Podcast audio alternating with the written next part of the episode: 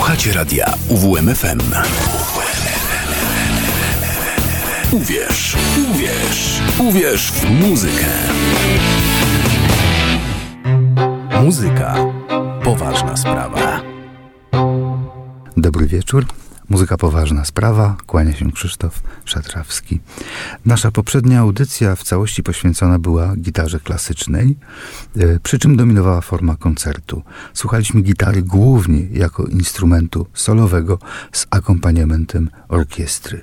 Niezależnie od tego, jak ciekawy jest świat gitary koncertującej, dobrze byłoby zauważyć, że swoje miejsce w kulturze zawdzięcza gitara przede wszystkim samowystarczalności.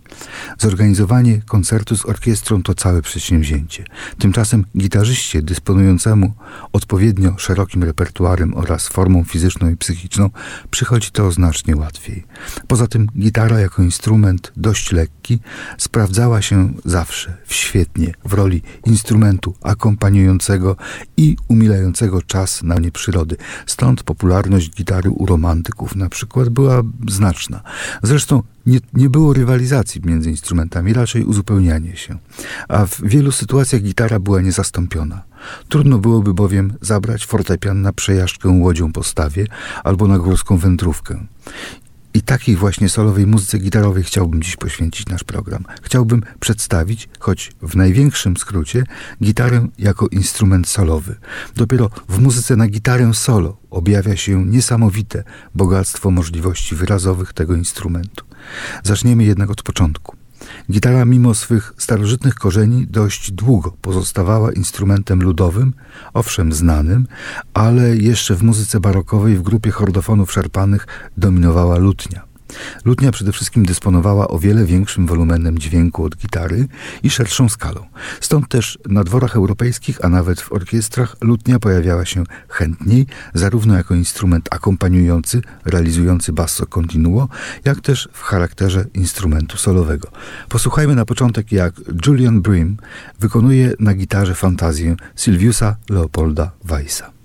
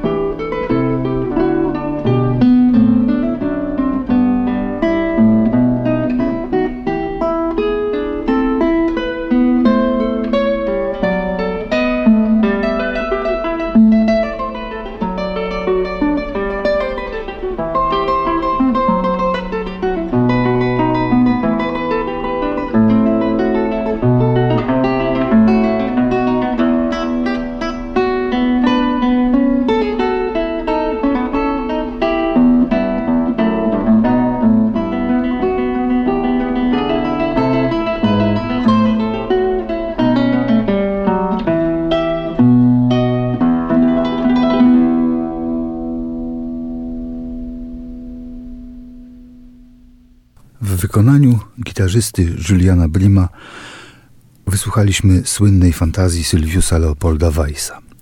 Przyznam się, że od dawna czekałem na okazję, aby przybliżyć postać tego kompozytora. Należał do pokolenia Johanna Sebastiana Bacha. Ostatnie badania skorygowały wprawdzie datę urodzenia, która zamieszczana jest w encyklopediach i podręcznikach jako 1686, okazuje się o rok późniejsza. Niewiele to zmienia. Czy był to rok, czy był o rok, czy o dwa młodszy od wielkiego lipskiego kantora. Poznał go zresztą osobiście, gdyż jednym z jego przyjaciół był najstarszy z synów Bacha. Z Wilhelmem łączyła go przyjaźń i zamiłowanie do improwizacji. Świadkowie wspominali, że kiedy improwizowali z Johannem Sebastianem Bachem, Weiss dotrzymywał mistrzowi kroku. Johann Friedrich Reichardt, kompozytor i jeden z najdawniejszych krytyków muzycznych, opisał to w następujących słowach. Każdy, kto wie, jak trudno jest zagrać modulacje harmoniczne i dobry kontrapunkt na lutni, będzie zaskoczony i pełen niedowierzania, słysząc od naocznych świadków, że Weiss, wielki lutnista, zmierzył się z Johannem Sebastianem Bachem, wielkim klawesynistą i organistą w graniu fantazji i fug. Urodzony w Grodkał, obecnie Groków w województwie opolskim, pracował na dworach we Wrocławiu, Rzymie i Dreźnie. Skomponował ponad tysiąc utworów na lutnię. Wiadomo też, że pisał utwory orkiestrowe, ale z tych zachowały się tylko pojedyncze głosy. Posłuchajmy, jak brzmi muzyka Weissa w oryginalnym brzmieniu. Będzie to część druga, Gawot, z sonaty numer 27 Cemol. Na lutni barokowej gra Robert Barto.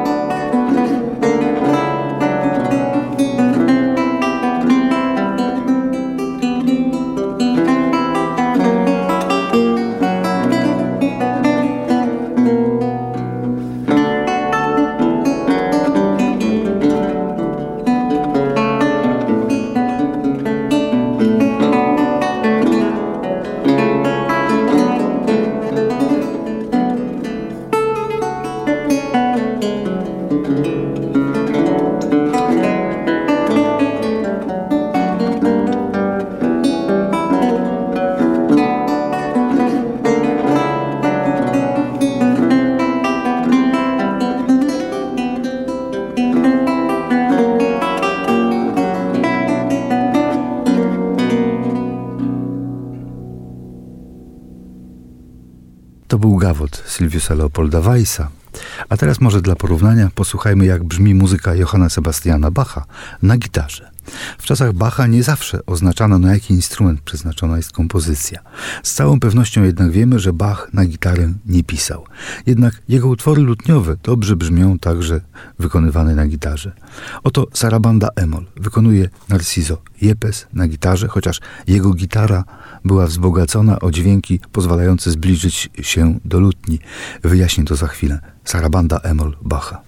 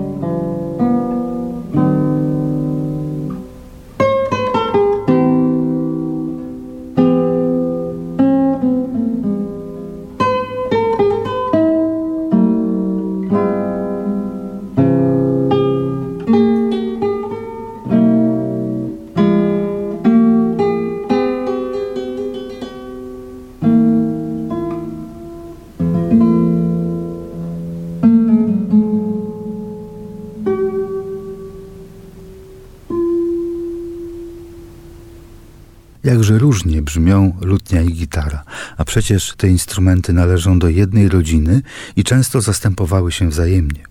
Nie tylko lutnię zastępowano gitarą. Wirtuozi gitary często rywalizują e, nie tylko z lutnią, ale także z instrumentami klawiszowymi. Aby uniknąć transponowania dźwięków spoza skali gitary, konstruowano instrumenty o większej liczbie strun. Oryginalną konstrukcją gitary dziesięciostrunowej zasłynął Narciso Yepes, jeden z największych wirtuozów XX wieku. Żył w latach 1927-1997. Rozwinął on pomysły swoich poprzedników i wspólnie z lutnikami skonstruował instrument pozwalający na znaczne rozszerzenie możliwości brzmieniowych gitary. Na marginesie mamy tu polski akcent. Narciso Jepes założył rodzinę z Polką, studentką filozofii Marysią Szumlakowską, z którą miał troje dzieci, również muzyków. E, posłuchajmy, jak sonatę Emol Domenico Scarlattiego wykonuje na dziesięciostrunnej gitarze Narciso Jepes.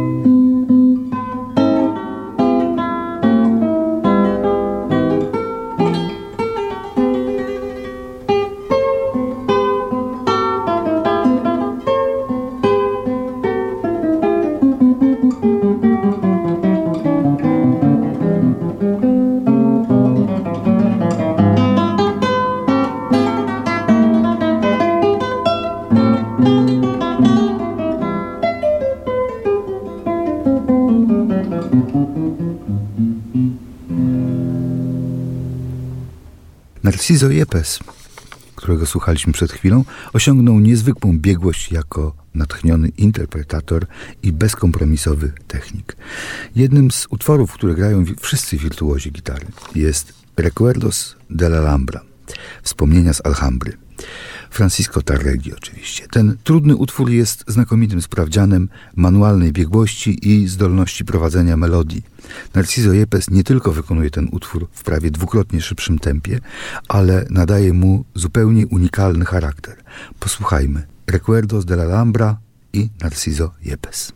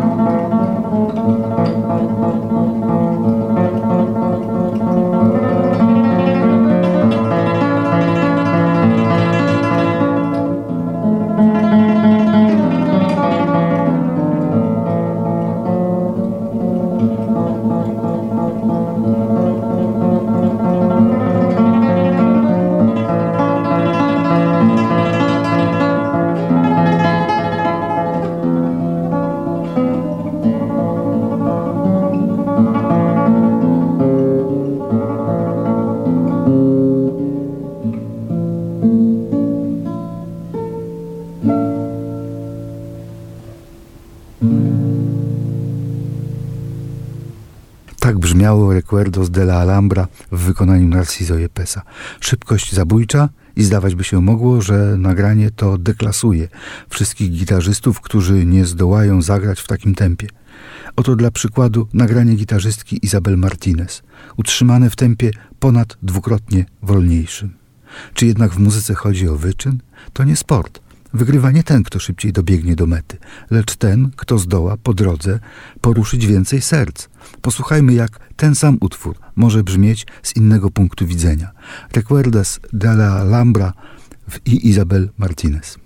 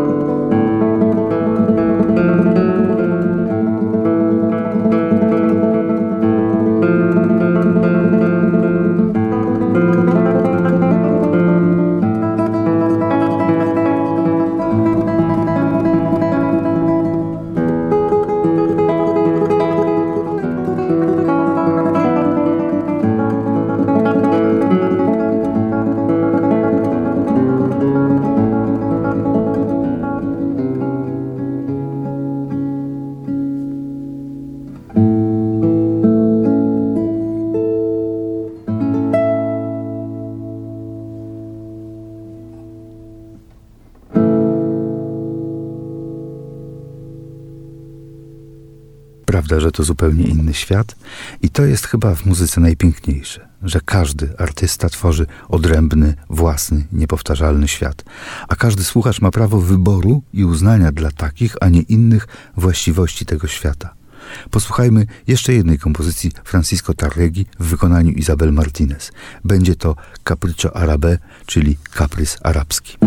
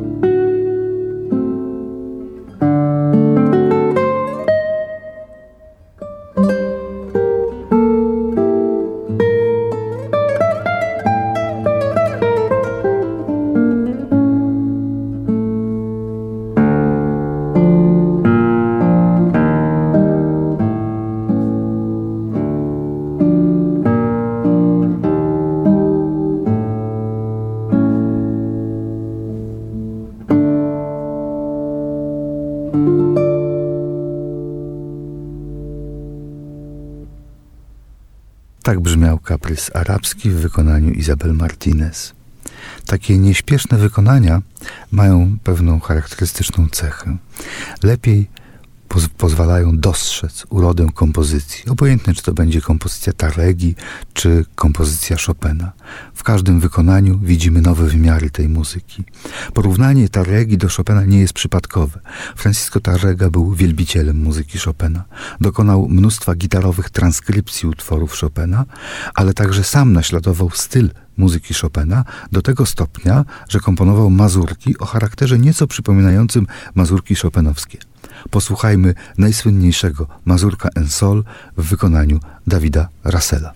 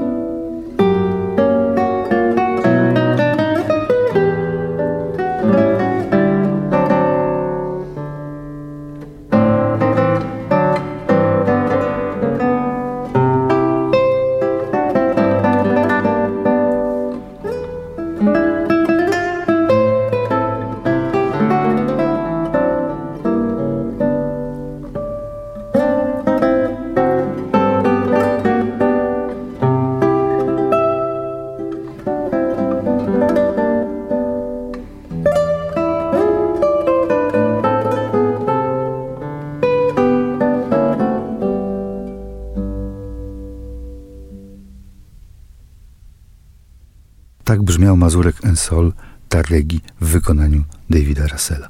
Przyznam się, że gitarowych mazurków Tarregi mógłbym słuchać bez końca, podobnie jak mazurków Chopina. Na zakończenie audycji postaram się zmieścić jeszcze jedną z tych uroczych miniatur.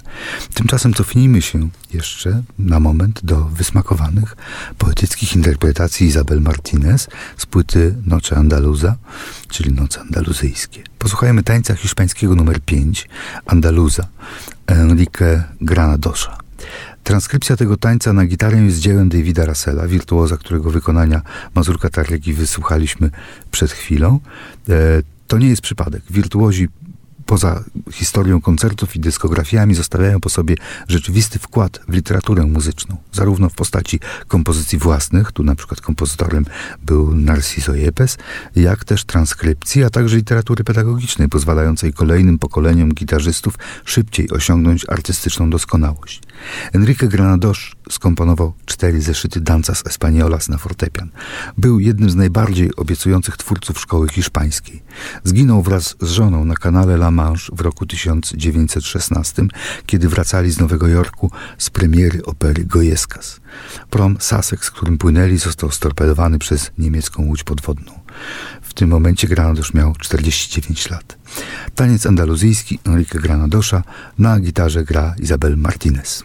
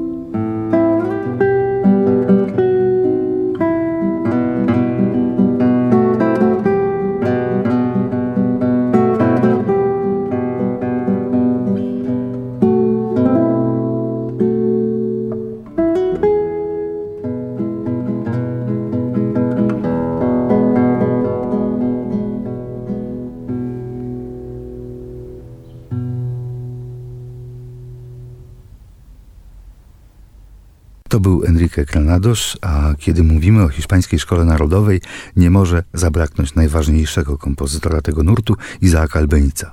To ciekawe, że w Hiszpanii szkołę narodową stworzyli pianiści Albeniz, Granados, De a wydawać się mogło, że gdzie jak gdzie, ale w Hiszpanii taką rolę odegra gitara. Ale fakt, w pewnym stopniu odegrała, bowiem charakterystyczne rytmy i wiele cech stylistycznych przejęła hiszpańska szkoła pianistyczna z muzyki gitarowej. E, czas nam się kurczy, więc tym razem krótko zapowiem dwa utwory Albenica. Najpierw Asturias, e, Leyenda, Preludio w wykonaniu włoskiej artystki Filomeny Moretti, a następnie Malagenia w wykonaniu Narciso Jepesa.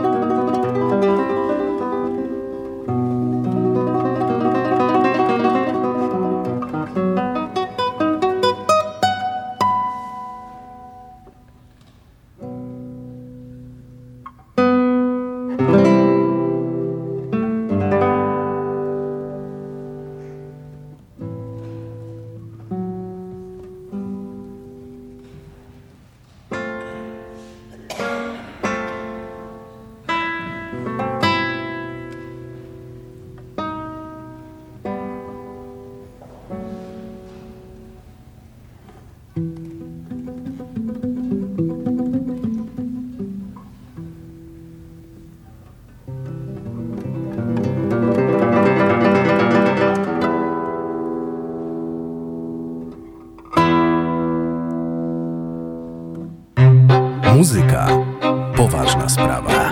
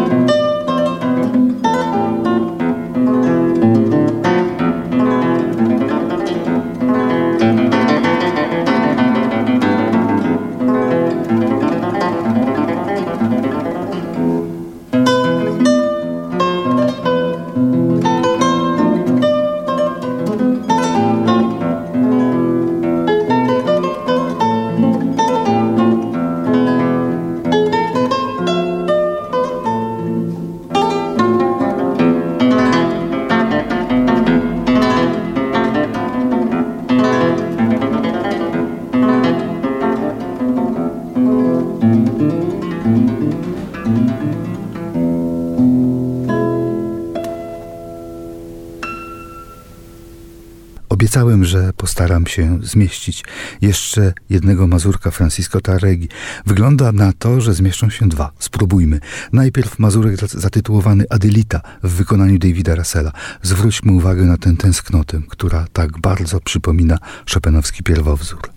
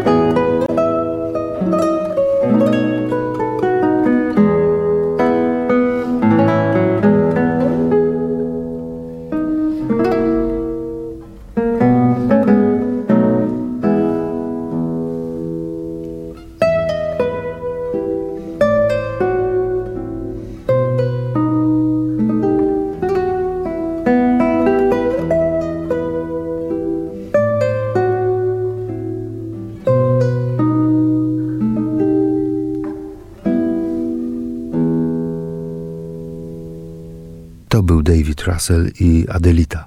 A teraz Mazurek, który Francisco Tarrega zatytułował Marietta w wykonaniu Anny Archiles. Z nadzieją, że ten ostatni utwór zmieści się przed końcem audycji, żegnam się do następnego spotkania. Audycję przygotował i poprowadził Krzysztof Szatrawski, a zrealizował Szymon Tołpa. Do usłyszenia.